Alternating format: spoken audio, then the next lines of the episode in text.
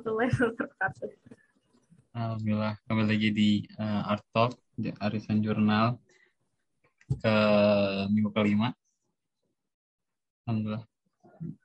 Hari ini gue cuma ditemenin sama Bella Dinda. Semoga tetap masih ada pembahasan-pembahasan yang mendalam terkait jurnal yang telah dibahas. Tema minggu ini pariwisata dan partisipatif uh, dari jurnal dari Ibu Eva Latifah Puspitasari dan Dia Widya Stuti dengan judul Peran Masyarakat dalam Pengembangan Kampung Wisata Rejo Winangun, Kota Gede, Yogyakarta. Sebelumnya, uh, jurnal ini dipilih uh, sama Fatur, cuman kebetulan nggak bisa hadir karena ada kegiatan uh, keluar kota, jadi uh, tidak memungkinkan untuk membuka Zoom.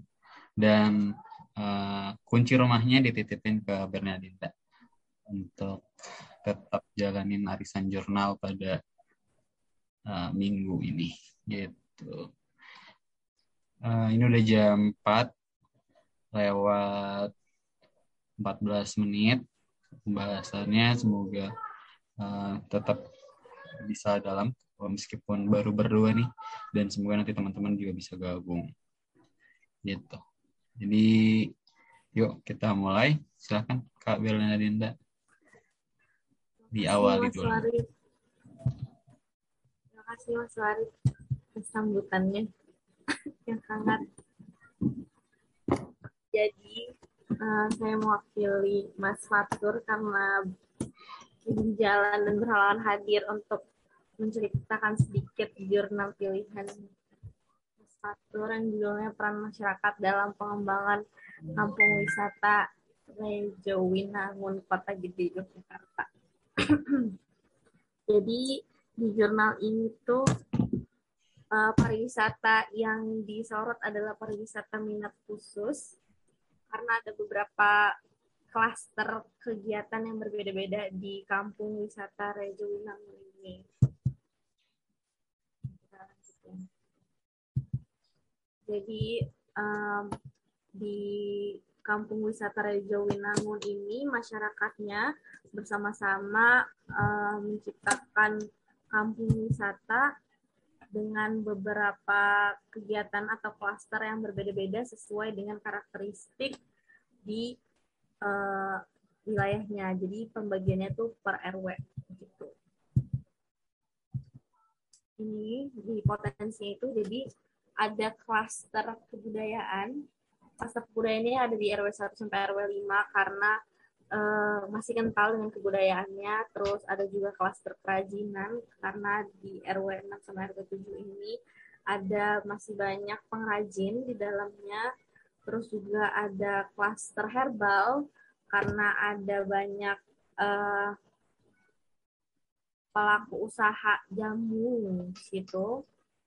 Terus karena di situ klaster herbal, jadi ada program di sana di mana setiap rumah yang ada di klaster herbal yaitu di RW 8 yaitu satu rumah ditanami lima tanaman obat-obatan untuk mendukung si klaster herbal itu. Terus selanjutnya di RW 10 ada klaster kuliner. Di klaster kuliner ini banyak yang pelaku usaha penjual kue, kering dan juga jajanan pasar. Jadi di situ diletakkan klaster kuliner. Kemudian di ada klaster agro. Klaster agro ini RW 11 sampai RW 13 dikarenakan lahan pertaniannya masih sangat luas di sana. Uh, terus juga untuk mendukung klaster agro ini ada program di mana setiap rumah yang ada di klaster agro ini satu rumahnya harus ditanami lima tanaman sayur dan juga buah-buahan. Jadi ini juga bisa menjadi daya tarik untuk wisatawan yang datang gitu. Media penanamannya juga macam-macam, ada polybag, pipa, ada juga dan lain-lain. Terus ini tentang atraksi wisata yang ada uh, berdasarkan kelima klaster tadi di klaster budaya ada pertunjukan-pertunjukan uh, khas Jogja misalnya terus ada juga wisata buatan seperti pengrajin sepatu kulit terus di klaster kerajinan ada ada banyak sekali pelaku usaha yang bisa menarik wisatawan seperti pembuatan batik tulis, pertunjukan wayang tulis, jemputan, kerajinan kulit, uh, lukis kaca dan juga limbah plastik. Terus kalau di klaster herbal ada minuman herbal, uh, jamu gendong, juga ada pembuatan sabun herbal dari serai. Terus ada juga klaster kuliner, ada bakmi dan juga teri olahan keripik, terus di agro juga tradisi tari untuk wisata budayanya, terus untuk wisata buatannya itu ada kampung anggrek, kampung flori, tergantung jenis-jenis tanaman yang ada di situ.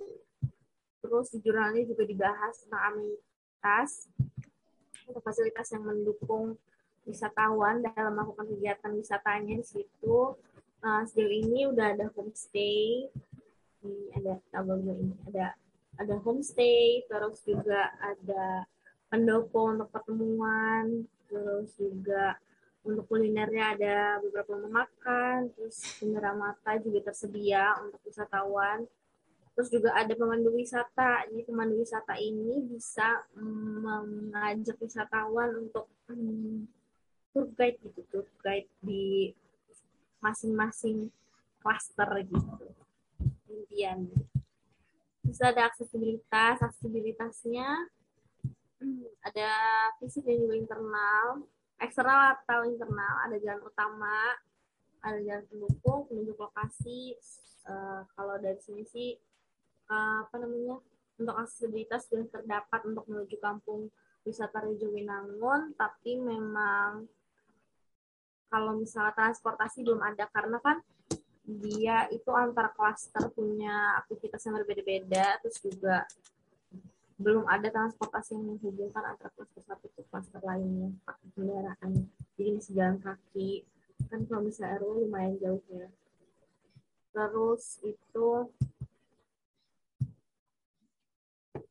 kalau untuk kunjungan wisatanya jadi wisatawan yang menjadi target pasar di kampung wisata Rejo Winangun ini adalah uh, wisata minat khusus karena ada kebudayaan, ada ada juga herbal, gantung keinginan wisatawan itu juga untuk kunjungannya lumayan stabil katanya gitu. Jadi di setiap tahunnya di beberapa bulan itu apalagi kita masuk bulan-bulan libur ke Juli, Agustus tuh Januari Agustus September itu jadwal libur itu wisatawan sering datang terus tuh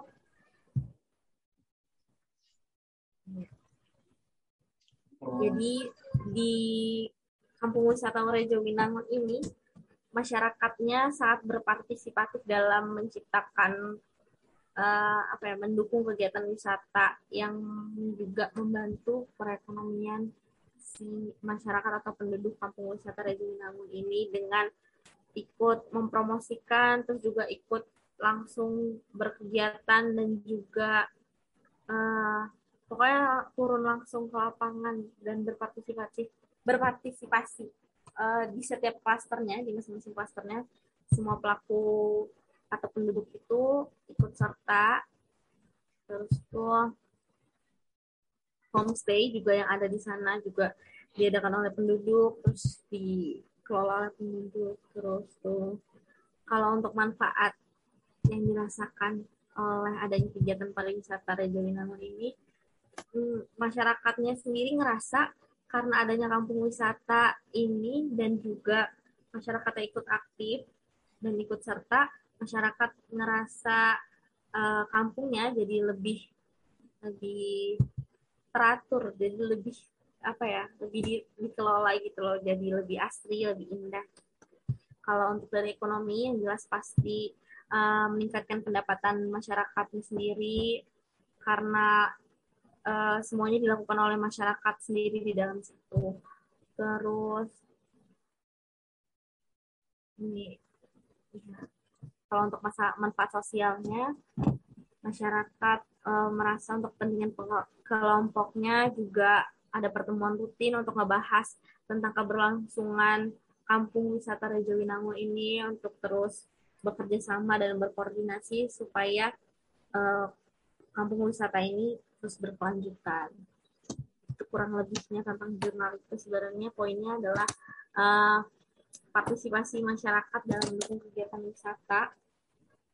Di sini adalah wisata uh, kampung wisata Rejo Winangun yang memiliki beberapa klaster kegiatan. Nah, itu jadi ceritanya tentang jurnal ini. Gimana, Mas Warid? Yeah. Aku pengen lihat metodologinya deh. Apa? Pengen lihat metodologinya lagi.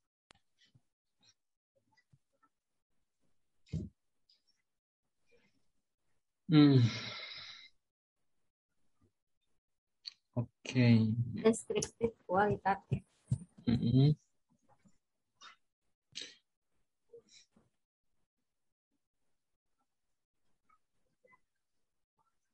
Uh, tes dikit. Oh, eh, dari tes tes tes tes tes tes tes tes tes up eh sip mm -mm. Uh, Oke. Okay.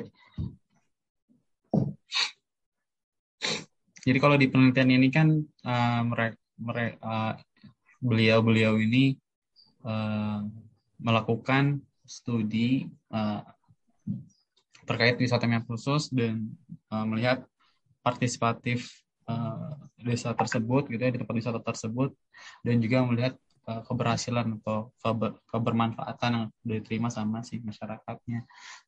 Terus tadi yang menarik adalah yang dialek uh, tentang klasterisasinya. Klasterisasi itu menjadi sangat penting di sini uh, terkait keberhasil apa ya terkait hasil dari sebuah penelitian ini gitu Kalau misalkan kita cermati peneliti itu melakukan klasifikasi berdasarkan potensi yang dimiliki tiap-tiap klaster. Jadi uh, klasterisasi ini ternyata gitu ya melihat uh, berdasarkan potensinya. Nah ini uh, batasannya itu berdasarkan uh, tingkat RW atau rukun warga. Nah uh, ini jadi penting karena tadi yang ditinjau kan tadi ada berdasarkan aksesibilitasnya amenitasnya gitu kan atraksinya ini kan termasuk daripada produk per, pariwisata itu sendiri. Potensi yang dilihat itu berdasarkan produk pariwisata itu sendiri gitu. Tadi terkait misalkan klaster uh, kerajinan itu ada kerajinan batu tulis ada batu jemputan gitu ya. ada pengrajin kulit dan lain sebagainya. Terus ketika bicara produk uh, wisata mengenai klaster agro gitu ya agrowisata itu ada uh, pertanian gitu ya ada ada tanaman sayur ada tadi ada juga buah. Apa? Buah. Buah dan sebagainya itu kan ada tarian-tarian penyambut apa terkait petani-petani kayak gitu. Hmm. uh, tapi uh, kalau aku mikirnya uh, apakah klasterisasi ini bisa ada apa ya uh, ada sebelumnya gitu? Misalnya apakah ini sebuah klasifikasi yang dilakukan oleh si peneliti atau memang uh, di lapangan memang masyarakat sudah melakukan klasterisasi uh, tersebut gitu kan? Uh, karena ini berkaitan dengan nantinya bagaimana masyarakat bisa mengoptimalkan potensi dari setiap uh, kelas tersebut. Artinya si RW 1 RW sampai sampai RW 5 dia tahu gitu apa yang mesti dilakukannya. Jadi tidak lagi mencampuri urusan klasterisasi klasterisasi wisata yang lainnya dalam artian tanda kutip mencampuri adalah uh, mereka punya mas, uh, punya punya tanggung jawabnya masing-masing di setiap klaster. Karena uh, kita sebut ini adalah sebuah uh, sebuah kawasan wisata minat khusus di mana terdapat berbagai uh, suguhan-suguhan. Kalau misalnya kita bilang uh, turis lokal, turis mancanegara yang datang misalkan datang ke sana, terus dia bilang saya mem saya hanya memilih saya hanya memilih untuk melihat gitu kan misalkan uh, kerajinannya dan juga agronya. Apakah itu nanti sudah ada satu jalan, satu rute yang bisa lang uh, bisa dari dari tempat uh, apa Satu tadi kerajaan uh, satu klaster ke satu klaster yang lainnya sesuai dengan uh, minat khusus daripada masing-masing si ininya. Nah ini kan bersangkutan juga nanti dengan bagaimana rute tersebut dibuat, bagaimana konsep yang uh, tersebut dibuat gitu kan. Pada akhirnya kan ini akan masuk ke promosi wisatanya gitu. Pada promosi wisatanya. Mungkin sekarang uh, tadi sudah ada banyak gitu ya di bulan di bulan uh, Maret, April gitu ya.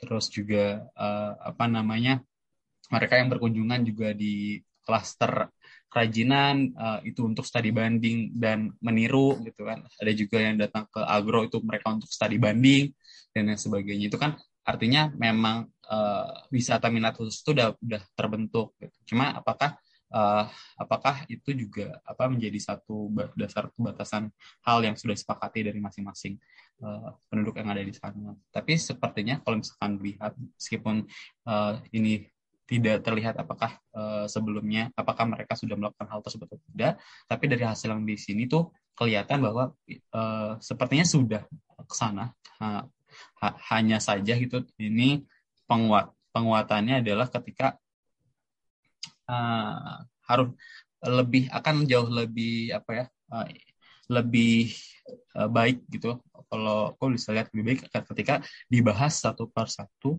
klasifikasinya dengan key informannya gitu. Artinya uh, ada juga yang dibawa di satu uh, karena mungkin saja gitu ya si RW 01 sama RW 05 ini si klaster yang jarang dikunjungi gitu. Misalnya jarang yang hmm. mendapatkan kegiatan. Uh, dan di klaster yang lima ini uh, misalkan si klaster agro ini lebih sering dikunjungi gitu Eh, lebih banyak peminatnya. Nah ini kan satu kawasan ya, artinya yang diharapkan adalah pertumbuhan ekonomi dalam satu desa ini gitu ya. Itu semuanya juga mendapatkan hal sama. Apakah nanti pendapatan asli desanya akan dikumpulkan menjadi satu dan dibagikan kepada seluruhnya gitu kan. Ini juga belum dibahas ke sana uh, ataukah uh, memang masing-masing uh, pengelola di setiap klaster gitu kan. Nah, ini nanti makanya kalau misalkan uh, ditambahkan lagi kan jauh, jauh lebih uh, apa ya lebih uh, kita yang yang membaca itu jadi lebih ter apa uh, memahami gitu lebih dalam gitu lebih uh, tapi memang kan setiap penelitian itu memang ada batasan yang mungkin yang dipilih batasan di sini adalah nah, hanya mengetahui gitu, potensi. Potensi itu digali dan sejauh mana pemanfaatannya sampai saat ini. Berdasarkan tadi yang amenities accessibility uh, terus atraksi uh, promosi dan sebagainya. Kayak gitu. Mungkin uh, itu sih kalau aku ngelihatnya. Dan dan banyak sebenarnya desa-desa seperti ini dan belum menjadi seperti ini gitu. uh, kayak misalkan kemarin uh, apa kita sempat diskusi juga mengenai ini kan apa desa agrowisata di, di apa, pesawaran uh, desa Sungai Langka. Nah sebenarnya desa Sungai Langka pun juga itu uh, sepertinya sudah terklasterisasi gitu ya. Kalau hasil dari kajian sementara yang aku buat itu ini seperti sudah terklasterisasi. Hanya saja memang ketika ditanyakan mereka enggak kita belum uh, kita belum ter, belum ada pengoptimalan terhadap hal tersebut dan masing-masing gitu. Bahkan mereka pikir ya udah gitu. Emang petani ini pengen nanamnya ini terus kelompok tani ini uh, di sini dan sebagainya. Nah ini sebenarnya klasterisasi ini penting dilakukan uh, atau uh, tapi memang gak gak gak ini sih gak gak, gak bisa juga uh, selalu hal yang bagus itu ketika kita membuat itu menjadi sebuah yang hal yang tematik. Uh, tapi ketika kita mencoba untuk klasterisasi seperti ini, kita bisa jauh lebih fokus untuk pengembangannya seperti apa dan uh, keterkaitan satu dan yang lainnya juga akan jadi jauh lebih uh, jauh lebih apa ya namanya terbentuk apa ya jadi lebih jelas dan kita tahu gitu serat mana yang harus ditarik gitu ya, serat mana yang harus dikendurkan itu kita bisa lebih uh, paham. Kamu menurut gimana terkait uh, desa-desa wisata yang sekarang atau ada referensi lain soal hal yang ini ada dibacain?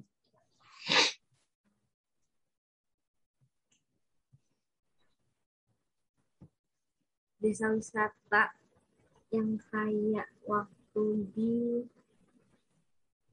Rekambas, Rekambas. Itu juga desa wisata kan. Hmm. juga ngedukung mendukung kegiatan penduduknya terus juga membantu kegiatan dari uh, Wekambas itu sendiri untuk menjaga apa namanya satuanya gajahnya supaya nggak ke mana-mana cuman kalau di situ tuh jadi uh, desa wisata itu uh, gimana ya? Karena biasanya jadi gimana ya contohnya? Kan di situ uh, orang ke desa wisata itu uh, tujuannya juga misalnya mau lihat si gajah gitu. Si gajah yang secara langsung ber berpapasan atau maksudnya kelihatan gitu misalnya di mm, di daerah desa itu gitu. Tapi ya itulah tadi karena si desa masyarakat desa pun juga nggak tahu kapan si gajah bakalan lewat terus si gajah bakalan datang gitu. Iya, iya. cuman oh iya kalau Rizky? Halo Rizky, halo Rizky. belum ada suaranya jadi cuman kayak uh, ininya aja yang tahu pawang yang misalnya salah satu yang ngejaga. Kalau misalnya si gajah itu dipasang GPS-nya kalau misalnya uh, Hmm. dipasang GPS-nya si pawangnya bisa tahu gajahnya kapan datang kapan jadi bisa diinfoin ke si desa untuk ngajak misalnya kalau ada wisatawan datang untuk ngeliat si gajah. Tapi karena kan itu ya enggak kan wisatawan jadi nggak tahu kan ya kapan si Hmm. gitu Itu desa apa sih namanya? Desa penyangga apa gitu? Lupa deh. Iya, lupa deh namanya desa penyangga apa. Tapi Ah. ya itu buat men, iya buat si itu. Tapi itu menarik sih yang desa penyangga desa penyangga itu. Eh, ini masih berlang, berlanjut yang tadi aku jelasin ya terkait desa Hmm. Sungai Langka itu ya. Itu aku coba neliti lagi terkait des- eh, apakah si desa Sungai ini bisa menjadi desa penyangga untuk keberlangsungan observatorium eh, apa oil. Iya. Jadi aku aku eh, sempat untuk eh, buat kajian itu. Nah, cuma kan memang akhirnya eh, keputusan politis tidak mem- tidak menyetujui ada terbangunnya observatorium eh, oil di atas sana gitu. Akhirnya tidak ada lagi eh, urgensi atau kepentingan yang aku lanjutin gitu kan. Rizky keluar lagi ya? kayak gitu. Terus eh, itu tadi eh, yang menarik adalah eh, ternyata gitu ya bentuk partisipatif terhadap pariwisata tersebut itu eh, desa eh, wisata gitu ya kayak desa penyangga tadi gitu yang di itu itu tuh menjadi eh, ternyata bisa eh, sebagai bukan hanya mempromosikan atau meng- me- apa ya mengeluarkan potensi untuk menjadi nilai terhadap masukan desa tapi juga menjaga eh, potensi itu tetap berlangsung gitu, tetap berlanjut gitu. Eh, seperti yang tadi cerita sama Berlin, berarti di desa penyangga yang ada di Lampung Timur itu, itu menjadi salah satu upaya untuk masyarakat eh, itu menjaga satuannya gitu kan dengan adanya desa penyangga tersebut. Jadi tidak perlu masyarakat yang datang harus datang ke apa ke lingkup Kambas. uh, di lingkup gajah-gajahnya itu, tapi cukup masuk ke desa penyangga itu, itu udah uh, sudah mendapatkan pengalaman yang sama ketika masuk gitu. Kecuali mungkin di hari-hari khusus atau memang pada saat untuk melakukan penelitian gitu ada ada kepentingan tersendiri gitu baru bisa bisa masuk. Nah itu juga artinya partisipasi masyarakat sendiri dalam wisata juga ada ada ada ada value itu gitu ya ada nilai itu gitu untuk menjaga juga gitu bukan artinya uh, mereka sudah satu langkah lagi gimana caranya wisata ini tetap ada dan berjalan. Menarik sih. Ini Rizky malah keluar ya. Aduh. Um, ada lagi nggak kira-kira yang yang hal yang menarik yang bisa didiskusikan? Tapi ya Hmm. uh, menurut Warid nih, kalau misalnya kan ini partisipasi masyarakat, uh, pastinya harus datang dari kesadaran masyarakat sendiri buat ngejaga si potensi itu, terus keberlanjutan si potensi itu, dan balik lagi untuk si masyarakat itu sendiri. Nah, tapi uh, pernah nggak sih maksudnya kayak jadi ada sebenarnya ada potensi gitu tapi uh, si masyarakat sebenarnya belum sadar. Tapi misal ada nih pemangku kepentingan lain yang sadar akan potensi tersebut gitu. Mungkin uh, masyarakat atau penduduknya belum belum aware gitu sama uh, kegiatan pariwisata yang bisa dikembangin di situ. Tapi uh, ada nggak sih kemungkinan kalau misalnya munculnya pariwisata itu sendiri malah uh, juga membawa dampak negatif ke kegiatan sosial ataupun aspek lainnya di masyarakat itu sendiri. Um, kayaknya kalau mungkin mungkin ya cuman kalau di sini kan jurnalnya nggak ngebahas hal itu dan kalau misalnya kita mungkin cari jurnalnya mungkin ada tuh uh, jurnal yang menjelaskan gimana sih uh, ternyata uh, pariwisata tersebut itu justru mengubah uh, social culture yang ada di masyarakat sehingga tidak uh, tidak lagi sama seperti awal mereka uh-huh. mempromosikan gitu ya. Nah, mungkin itu terjadi bisa bisa sangat uh, bisa bisa terjadi dan sangat mungkin terjadi itu. Uh, kenapa bisa seperti itu gitu ya? Uh, tentu um, uh, hal itu bisa terjadi kalau misalkan pandangan kita kita uh, berpikir sederhananya adalah uh, adalah Eh, ketika satu ketika satu uh, tempat gitu ya ketika satu tempat satu lingkungan itu uh, adalah orang-orang yang berisikan uh, gitu kan terus uh, mereka uh, uh, mempromosikan di di di lingkungan uh, ini banyak loh hal yang bisa dieksplor dan masyarakat dan orang luar uh, diperbolehkan dan sangat terbuka sekali untuk bisa datang gitu ya. di lingkungan A ini baru ada orang-orang A gitu ketika datang orang-orang B yang notabene memang pada akhirnya adalah uh, membawa culture-nya, social culture-nya juga gitu ya, membawa uh, kebiasaannya juga dan datang ke sana sedikit banyak pasti akan bertukar uh, pandangan, bertukar pikiran, terus melihat gitu kan. Ada interaksi lah, ada interaksi, ada pembicaraan mengenai uh, wisata itu sendiri atau bahkan di luar dari wisata itu sendiri ada pandangan-pandangan baru yang diterima gitu kan sedikit banyak lambat laun kalau misalkan memang uh, di satu tempat apa di satu tempat tersebut juga apa tidak erat penjagaannya gitu ya tidak dilakukan sebuah penjagaan yang eksklusif artinya uh, uh, artinya masyarakat itu uh, apa terbuka gitu ya sangat sangat terbuka gitu ya tidak tidak terlalu menjaga uh, uh, nilai-nilainya itu maka akan bakal akan terpengaruhi gitu. Nah, pengaruh ini yang akhirnya adalah uh, penentuannya adalah changingnya adalah apakah pengaruh-pengaruh ini bisa mereka bawa dan mereka adaptasikan sesuai dengan social culture yang mereka miliki gitu. Apa ditelan mentah-mentah. Ini yang jadi yang menjadi permasalahannya gitu kadang yang kita harapkan adalah mereka tetap mendapatkan banyak informasi dari luar dengan harapan mereka membawa ke dalam dengan uh, mengadaptasikan terlebih dahulu dengan sosial culture yang mereka miliki. Artinya nilai utamanya yang ada di masyarakat itu tetap ada gitu, bukan merubahnya dengan sesuatu hal yang baru. Ini menjadi menjadi mal mal adaptasi gitu ketika merubah um, merubah sosial culture mereka dengan hal yang baru tanpa diolah terlebih dahulu, ini bisa disebut dengan maladaptasi atau adaptasi yang salah. Ketika ada uh, adaptasi yang salah ini berlangsung dan terus, ini uh, awalnya mungkin akan dirasakan ada ada perbedaan yang uh, uh, cukup mengkhawatirkan gitu dari diri mereka sendiri. Nah, lambat laun mungkin uh, itu menjadi hal yang biasa dan akan terus berlangsung. Nah, ini menjadi menjadi ini apa yang menjadi tadi apa itu justru akan merubah dan merugikan gitu kan itu yang itu yang jadi masalah. Kalau mungkin terjadi mungkin terjadi. Kalau misalnya kita nanti cari jurnalnya mungkin ada juga kayak gitu.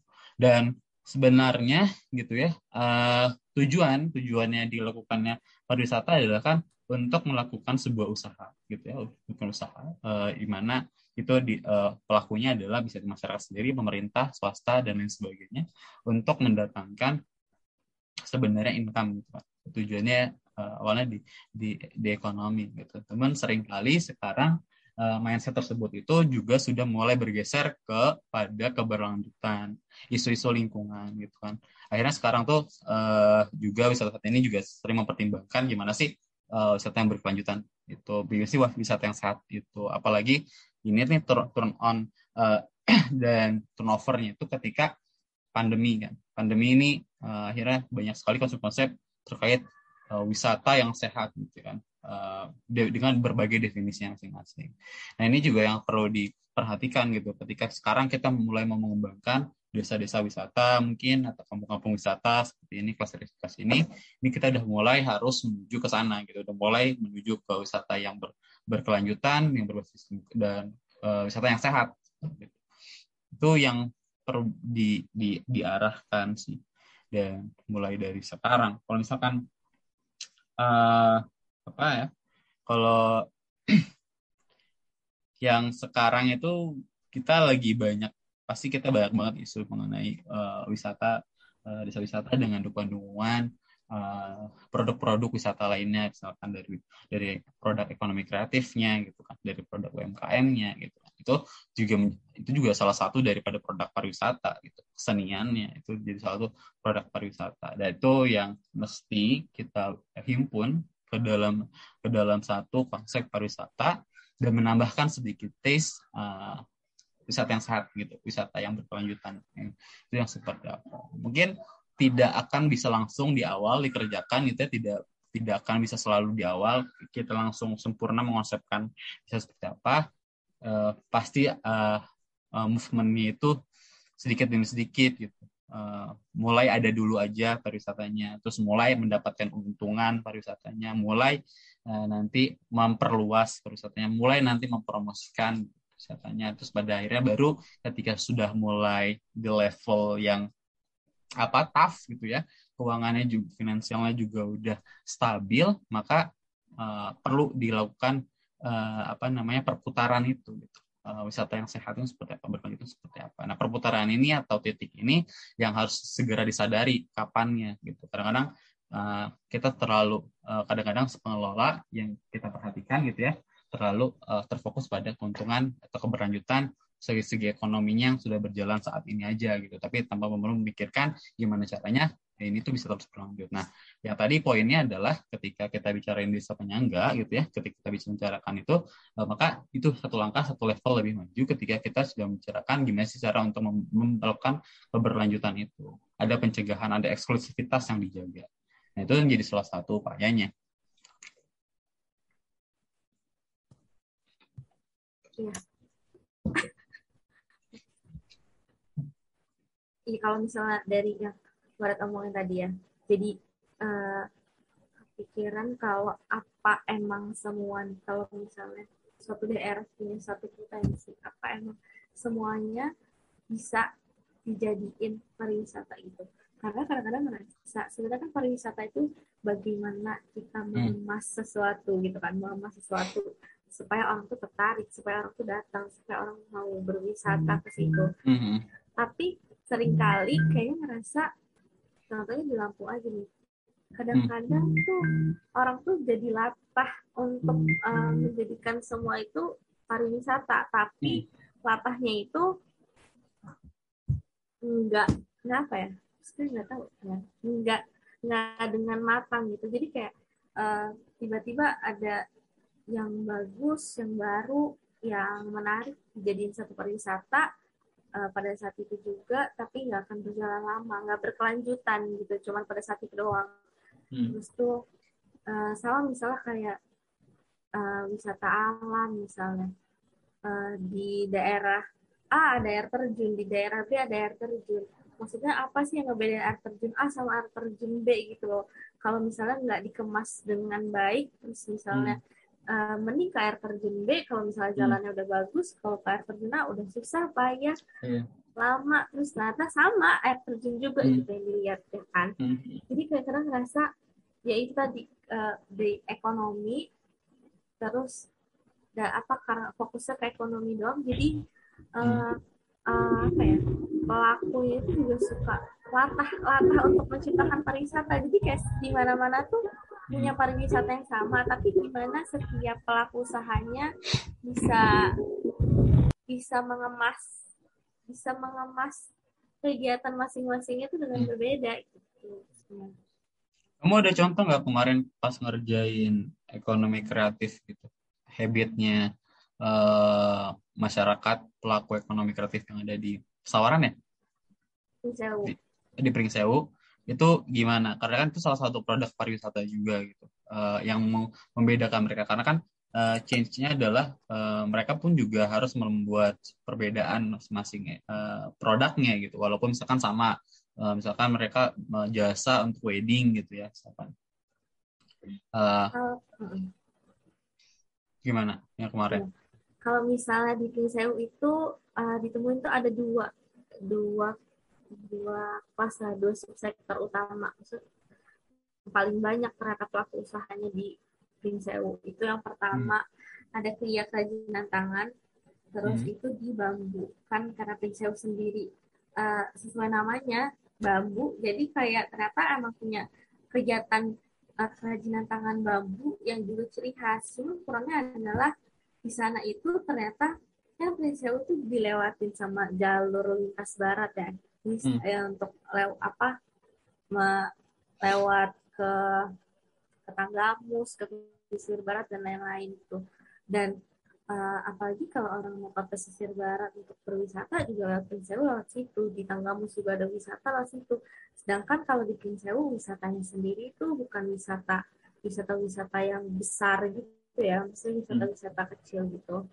Terus tapi uh, kurangnya adalah gimana si pelaku usaha itu tuh uh, menampilkan kalau si Prinsewu ini tuh punya punya punya ciri khas itu gitu loh punya hmm. punya daya tarik itu akan si bambu itu gitu loh uh, misalnya soalnya kalau misalnya nih kita dari Bandar Lampung aja mau ke pesisir hmm. barat lewat Pringsewu uh, akan sangat sedikit sekali kita tuh ngeliat kalau ternyata Pringsewu itu uh, punya ciri khasnya punya hasil karyanya sendiri uh, yang membawa nama bambunya itu gitu. Jadi itu itu sih kurang kalau misalnya uh, kesadaran itu uh, dan ternyata juga uh, kerajinan bambunya itu emang sebenarnya gak cuman untuk apa ya gak cuma untuk kegiatan-kegiatan sehari-hari tapi juga misalnya di diekspor atau dikirim ke daerah lain kalau misalnya kayak di tempat wisata ada gubuk-gubuk bambu nah itu biasanya itu pembuatannya tapi sebenarnya di pincel sendiri bisa di pincel kan terkenal ya ada tahu Sumedang maksudnya hmm. kayak gimana kalau misalnya si bambu itu sendiri itu ternyata hmm. mendukung kegiatan lain jadi nggak cuma hmm. hasil kerajinan tangan aja gitu loh nggak yeah, cuma yeah. kerajinan tangan kayak jual terus kayak ya pembeli itu kan tergantung ya orang mau beli atau enggak gitu, daya tariknya sendiri. Maksudnya kenapa enggak untuk apa ya untuk keberlanjutan si uh, kekhasan bambunya itu kenapa nggak dibawa ke hal lain gitu yang ada di Pinsel misal kayak di tahu Sumedang tadi kita kalau mengemas setiap tahu Sumedang tuh uh, pakai bambu gitu maksudnya. Jadi kan high risky oh, jadi tuh wah lagi jalan. Ya gitu. Jadi tuh maksudnya jadi kayak kalau beli tahu Sumedang dari bang uh, dari Pringsewu dia orang tahu oh ada hasil juga ini dari bambu tempatnya atau misalnya ada apa. Terus salah satu lagi itu ada tapis. Jadi uh, emang tapis itu khas di provinsi Lampung ya. Jadi kalau misalnya tapis untuk misalnya kayak model tapisnya untuk Pringsewu apa kayaknya nggak ada kalau misalnya dari sana jadi emang apa ya uh, modelnya patennya provinsi Lampung gitu. Cuma itu hmm. kan kurangnya uh, di Pringsewu itu ada sentra tapis di Pagelaran di Desa Lubusari. Ada hmm. ada tujuhnya gitu sentra tapis. Tapi kalau kita masuk ke sana ke sentra tapis itu hmm. ternyata sebenarnya itu kayak satu desa atau beberapa desa gitu yang yang pelaku uh, penduduknya itu mayoritasnya itu ada pengrajin tapis. Tapi pas kita masuk ke sana, kita itu nggak merasakan kalau kita tuh lagi ada di sentra tapis. Itu nggak ngerasa kalau kita tuh lagi ada di tempat penduduk yang emang mayoritasnya adalah pengrajin tapis. Gitu. Emang sih, tapis itu sendiri kan kegiatannya dilakukan di dalam rumah ya tapi menciptakan apa ya uh, vibes gitu loh maksudnya kayak lingkungan yang emang bikin orang tuh jadi kayak oh ini kegiatan tapis gitu. Jadi orang tuh tertarik gitu bukan eh, kalau misalkan terkait partisipatifnya gimana? Dukungan dari masyarakatnya pemerintah swasta dan sebagainya? Pentahelix lah kalau di ekonomi kreatif. Hmm, kalau misalnya masyarakatnya itu apa ya? Jadi kebanyakan sebenarnya usaha usaha mikro ya usaha mikro sama usaha kecil menengah kecil gitu jadi masyarakat cuman kayak apa ya sebenarnya uh, berusaha membuat terus didistribusikan dijual apalagi kalau pengrajin tapis kebanyakan ternyata uh, hasilnya ditaruh ke distributor gitu. Enggak langsung mereka jual apa bantu jual. Kalau misalnya dari pemerintah uh, dari masyarakatnya sendiri ngerasa ternyata uh, pemerintah masih kurang nih apalagi di bagian pemasaran jadi masyarakat tuh merasa uh, pemasaran tuh masih kurang banget dan masih butuh dibantu banget dan ternyata di sana masih lumayan rendah untuk tingkat pengetahuan akan teknologi gitu loh. Padahal kan maksudnya kayak teknologi informasi itu bisa bantu banget kan di pemasaran. Nah itu masyarakat masih kurang banget di situ. Hmm. Oke. Okay. Uh, ya yeah, menarik terkait uh, ekonomi kreatif. Uh, itu tadi salah satu memang jadi salah satu produk pariwisata gitu kan. Gimana gimana uh, apa uh, produk-produk ekonomi kreatif ini pun juga sebenarnya menjadi daya tarik juga gitu. Tadi yang sudah dibahas dari sama Bedin tuh uh, gimana caranya misalkan Pringsewu yang terkenal dengan bambunya itu memiliki suatu kekhasan dari bambu ya dengan uh, uh, pendam uh, bukan berdiri sendiri melainkan mendukung kegiatan lainnya. Kayak misalkan tadi ada tahu Sumedang gitu ya. Tahu Sumedangnya sih di mana-mana ada ketika tapi ketika dibungkus dengan misalkan wadah yang dari bambu gitu kan menjadi menarik. Ketika orang beli dari Pring Sewu terus dibawa ke Bandar Lampung ditanya belinya di mana? Gitu kan dari Pring Sewu terus ngelihat bungkusnya emang dari uh, bambu gitu uh, menjadi satu nilai tersendiri. Dan dan itu produk-produk yang mendatangkan. Artinya masyarakat juga oh iya datang ke Pring Sewu yuk sekalian nanti beli uh, yeah. patah. Dia ya kan?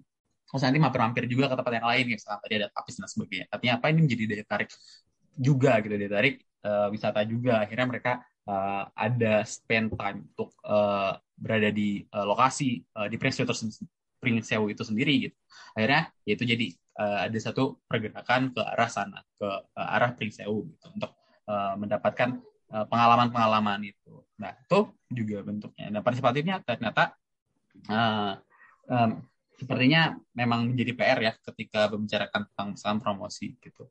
Uh, menyediakan kan galeri lah, galeri untuk uh, setiap produk-produk yang ada di uh, perhasil uh, ekonomi kreatif dari mereka. Memang uh, apa ya cakupan atau tangan ini masih belum meraih sampai mungkin ke desa-desa gitu yang terkecil dan sebagainya. Cuma mungkin uh, rasanya mungkin juga sudah ada sih bantuan-bantuan dari pemerintah gitu meskipun secara khusus pemerintah daerah itu memang sepertinya masih masih kurang. Uh, Rizkian R mau gabung nggak? Ada Fatur ada. juga, ada Fatur. Oh, ada Fatur juga. Hmm. Halo. Ini kita tadi mulai dari dari jam halo, 4. Halo. Gimana? Yang R ada sana Seperti sekali nih. Iya nih. Iya. Uh, ya harapannya masih terus bisa bahas lah walaupun sepi. Jadi kita tetap lanjut. Ini sih ada beberapa hal yang perlu apa ya perlu didiskusikan. Yang pertama, ini kan tadi yang dijelasin jurnal kan uh, yang saya baca itu hmm. ada ada pengklasifikasian terkait dengan uh, wisata-wisata yang ada di sana. Kayak di sini bagian ini, di sana bagian apa, di sana bagian itu gitu kan. Uh, menurut jurnal yang tadi itu dipaparkan begitu. Jadi ada pengklasifikasiannya gitu. Itu uh, sebenarnya model-model pengklasifikasian itu tuh ada dampak buruk atau positifnya nggak sih sebenarnya? Bukankah malah ketika dipisah-pisah itu jadi gimana ya? Jadi masyarakat itu malah malah malah bingung ataupun bagaimana begitu bukan kalau jadi satu itu emang kenapa gitu jadi satu tempat di sana ada ada kuliner ada ini ada itu ada itu yang diklasifikasikan tadi kenapa harus dipisah tadi kan menurut jurnal uh, lalu selanjutnya terkait dengan uh, pernyataan uh, Pak Warid tadi terkait dengan yang tahu Sumedang ada di mana-mana cuman di Pringsewu jual tahu Sumedang menurut saya. Fenomena kayak gitu tuh udah banyak gak sih di Indonesia? Uh, kayak misalkan nih di di di daerah mana sih? Itu tuh ada wisata di daerah ini Jogja kalau masalah itu tuh ada wisata terkait dengan kayak Perancis Perancis atau apa gitu kayak Cina Cina gitu. Nah bukankah itu malah menghilangkan keciri khasannya terkait desa wisata itu tersebut ya itu maksudnya tadi itu kayak saya jual tahu Sumedang bukankah malah lebih baik masyarakat itu menciptakan uh, inovasinya sendiri daripada uh, menyomot dari dari khas-khas dari daerah lain gitu. Itu sih kalau dari saya. Soalnya banyak kan desa-desa wisata yang masih kayak gitu di Indonesia gitu masih masih mengambil ide-ide ataupun uh, men, ingin menjadi ingin menjadi si desa lain yang ditempatkan di desa tersebut gitu. Itu sih. Kalau dari saya mungkin yang akan didiskusikan. Terima kasih. Ya mungkin Berdin coba ada ini kayaknya lebih kapabel untuk bisa diskusi lanjut terkait apa yang tadi Rizky sampaikan. Uh, kayaknya uh, iya banyak banget ya fenomena kayak ya Little Europe, Little France, Little apa banyak sekali itu contohnya ya kan. Uh, mungkin itu sebenarnya salah satu cara orang gitu sebelum ke sananya beneran ke wisata sementara gitu. Tapi kalau misalnya contoh jadi Pring Sewu, tahu Semedang, itu nggak uh, bukan ciri khas utama sih, tapi karena Pring Sewu sendiri itu uh, ada banyak tak ada banyak pelaku usaha yang menjual tahu Sumedang itu yang ternyata pusatnya tuh ada beberapa titik di Kabupaten Pringsewu gitu. Misalnya kalau misalnya kita dari Bandar Lampung mau ke daerah Tanggamus gitu, kita akan banyak nemuin tahu semedang di Pringsewu daripada di Pesawaran atau daripada di Tanggamus gitu. Sebenarnya bukan mengambil ternyata mengambil ciri khas gitu. Karena tahu itu judulnya tahu semedang. Tapi kalau dilihat ternyata Pringsewu itu juga daerah transmigrasi, jadi uh, ada banyak nggak cuman apa ya apalagi transmigran dari Pulau Jawa ya nggak cuman uh, khas atau budaya pun juga ada. Misalnya contohnya di Kecamatan Gading Rejo Kabupaten Pringsewu gitu. ternyata ditemuin kalau ternyata beberapa pusat subsektor di ekonomi kreatif kayak seni budaya pertunjukan terus juga ada kerajinan tangan itu uh, pusatnya di Kecamatan Gading Rejo kenapa? Ternyata Kecamatan Gading Rejo itu uh, salah satu daerah transmigrasi juga dari Pulau Jawa. Terus masyarakatnya uh, apa ya? Karena masyarakatnya mayoritas itu jadinya orang-orang Pulau Jawa yang bertransmigrasi ke Pringsewu. Orang-orang tuh membawa kebudayaan yang mereka punya dan mengembangkannya di situ gitu loh untuk uh, apa ya mengobati gitu mengobati rasa rindu akan kampung halamannya atau tempat lamanya gitu terus tuh apa ya itu tadi sebenarnya kayak yang apa tuh si, si bambu maksudnya tanggung semedang tadi sebenarnya gimana caranya supaya kerajinan tangan bambu yang Pringsewu punya itu nggak nggak berdiri sendiri gitu loh. Maksudnya supaya keberlanjutan gimana kalau apa ya apa sih kalau barang tuh namanya uh, barang itu akan ada apabila memenuhi uh, memenuhi barang uh, lainnya. Contohnya di daerah mana lupa pernah dikasih tahu sama Mas Surya jadi di daerah mana lupa punya kerajinan bambu juga punya kerajinan bambu juga. Cuman uh, apa ya nggak berhenti di kerajinan tangan. Karena kerajinan tangan baik lagi pelaku usaha punya masalah kalau ternyata uh, hasil kerajinan tangan itu akan sangat bergantung kepada pemesanan. Jadi mereka nggak akan bisa banyak-banyak bikin atau uh, lebih ke kuantitas. Karena mereka juga takut kalau misalnya barangnya mungkin nggak laku atau nanti rusak gitu. Jadi gimana caranya pelaku usaha tetap eksis tetap eksis dengan mendukung kegiatan lainnya kalau contohnya tadi ada di daerah Pulau Jawa si bambu ternyata mendukung um, ini tembakau. Jadi itu penghasil tembakau, terus juga ada kerajinan bambu. Gimana caranya tembakau itu dikemas dengan bambu untuk dikirim keluar, untuk diekspor keluar. Jadi si pelaku usaha uh, bambu ini tetap eksis walaupun nggak di bidang kerajinan tangan, tapi punya punya kegiatan lain yang harus disupport oleh si bambu. Jadi nggak nggak mati karena satu jenis kegiatan atau subsektor aja gitu. Itu sih. Iya, mak maksud saya tadi kan uh, apa namanya daripada daripada apa ya kayak kayak tahu Jangan ataupun di orang orang Pringsewu banyak orang Jawa Barat misalkan kan uh, banyak orang-orang Sumedang mereka jual tahu Sumedang malah apa ya malah menutupi keciri khasnya Pringsewu nggak sih kalau kayak gitu.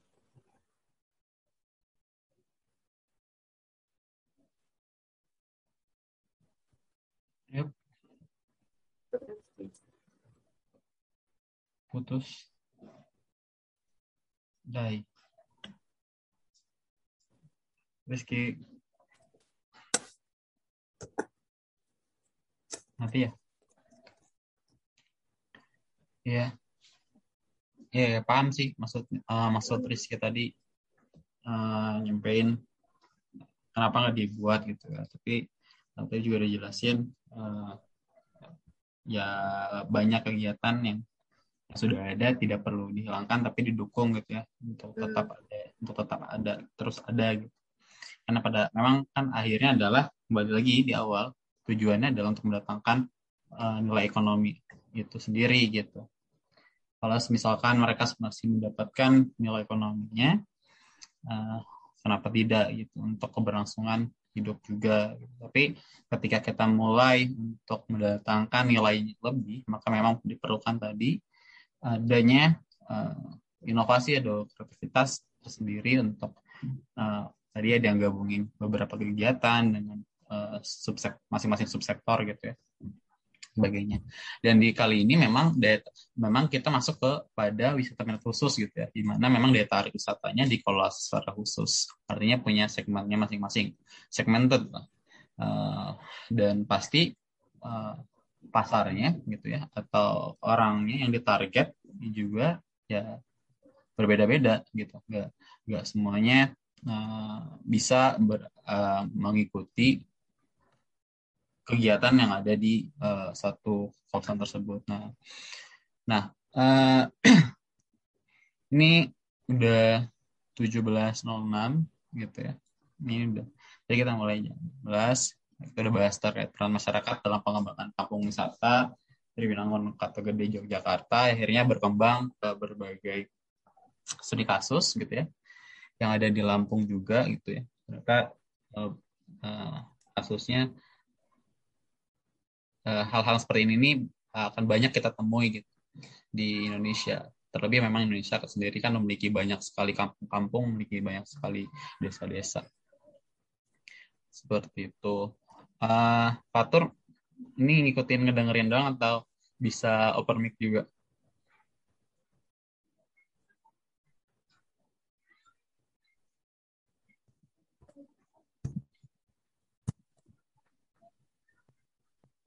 Sih hmm? kalau tadi. Nggak bisa ya? Oke. Okay. Suara, suara kita juga hmm. Gak apa-apa. Lagi di jalan. Makasih udah gabung buat dengerin juga. Uh, ada lagi nggak hal yang bisa kita uh, ulik nih dari satu jurnal ini terkait peran masyarakat dan juga pengembangan kampung wisata? Kalau dari kan kita udah bahas dari metodologinya, kita bahas dari segi klasifikasinya, terus kita bahas dari lokasinya, kita bahas juga dari produk wisatanya, kita bahas dari jadi pelaku usahanya, dari stakeholder lainnya. Uh, seperti ada ada hal yang belum kebahas nggak? Nggak tahu sih, tapi kalau misalnya dari sini ngebacanya klaster kayaknya lebih menarik sih kalau misalnya si penulis menggambarkan di mana-mana lokasinya. Lokasinya. ya. gitu. Untuk menggambarkan di apa ya pengklasteran. Jadi kita juga kebayang uh, nasi keterhubungan klaster satu ke klaster lain. Iya, iya, sepakat, sepakat.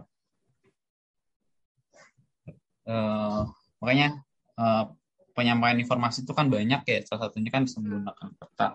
Model pemodelan tuh bisa menggunakan peta untuk kita juga mengetahui informasinya gitu ya terkait ini. Penelitian pun juga kalau dilengkapi dengan peta kan jauh lebih bisa dipahami. Uh, tapi menurutku ini udah sangat lebih dari cukup uh, untuk membahas uh, mengetahui peran masyarakat dalam pengembangan kampung wisata gitu ya partisipatif nah, dalam hal ini dan juga kegiatan keparwisataannya gitu ya di satu kampung ini udah sangat komprehensif sekali dan kita patut berterima kasih kepada Ibu Eva dan Bu Dia untuk menuliskan ini. Ini adalah salah satu referensi kita untuk nanti mungkin akan dibawa ke forum-forum lainnya gitu.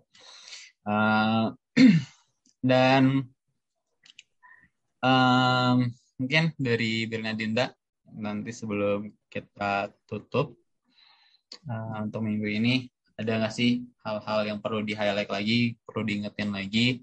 Karena ini nanti kan bakal uh, di share juga di Spotify. Nah, uh, dan kita kutip juga sebagai kutipan hasil uh, diskusi pada minggu ini. Apa kira-kira nih? Baik lagi ke judulnya sih, misalnya kayak ternyata uh, peran masyarakat itu uh, sangat yang sangat berpengaruh apalagi untuk kegiatan pariwisata yang emang basicnya adalah uh, misalnya untuk pertumbuhan ekonomi masyarakat itu sendiri. Jadi masyarakat tuh nggak perlu menunggu atau nggak perlu apa ya nggak perlu menunggu dari atas terus gitu. Masyarakat tuh juga bisa dari bottom bottom up masyarakat bisa berperan sendiri, bisa berperan aktif sendiri untuk perekonomian dirinya sendiri gitu. Tapi balik lagi uh, tetap perlu apa ya? perlu perlu pertimbangan yang matang gitu. jadi nggak cuma natah karena sesuatu kayak ini ini viral ini bagus gitu untuk dijadikan suatu wisata tapi emang perlu pertimbangan gimana supaya wisata itu nggak merusak uh, keadaan atau kondisi sebelumnya yang sudah ada dan gimana wisata itu juga uh, bisa berkelanjutan untuk masyarakat tersebut.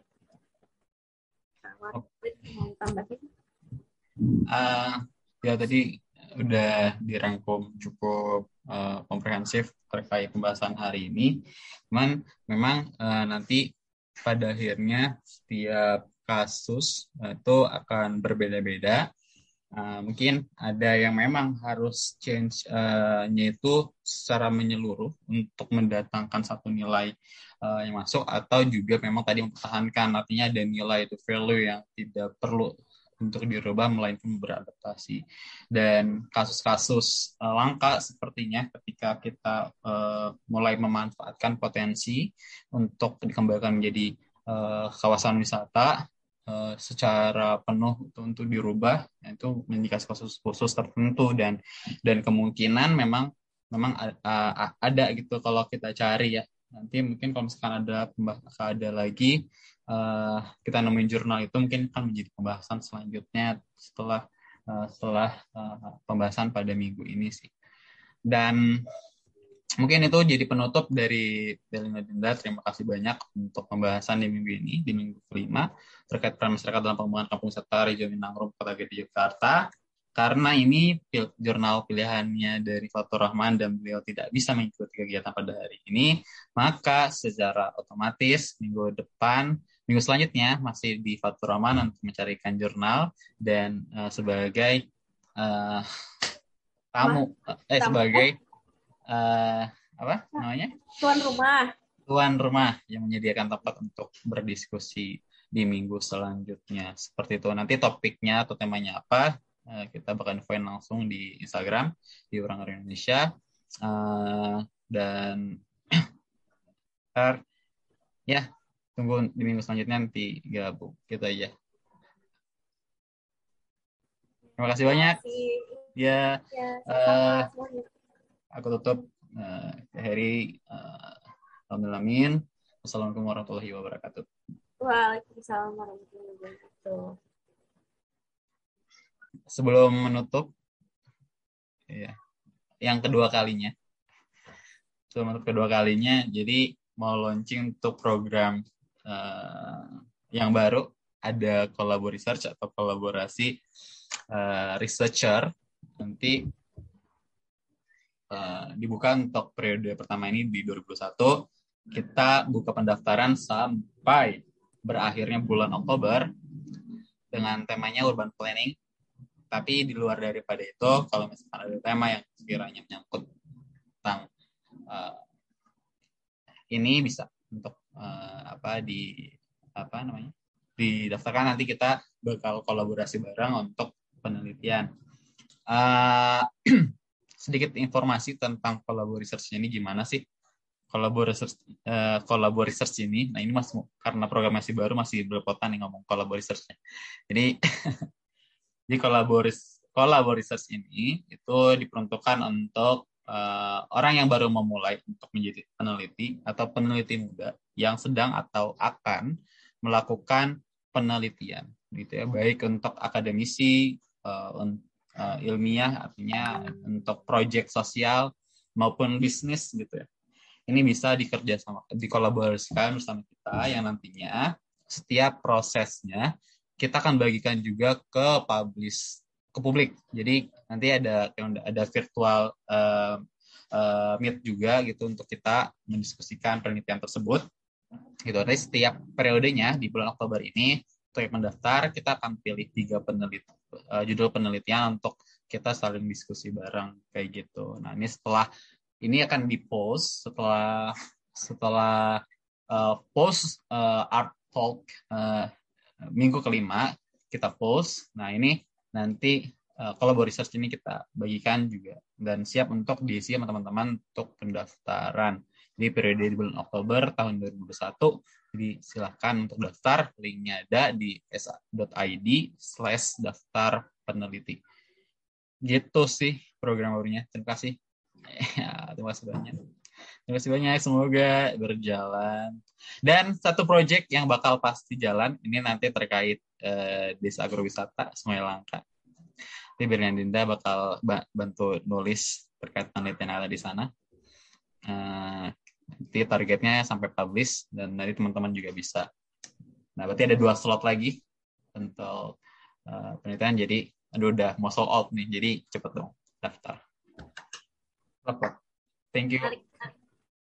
Menarik, ya? Hmm.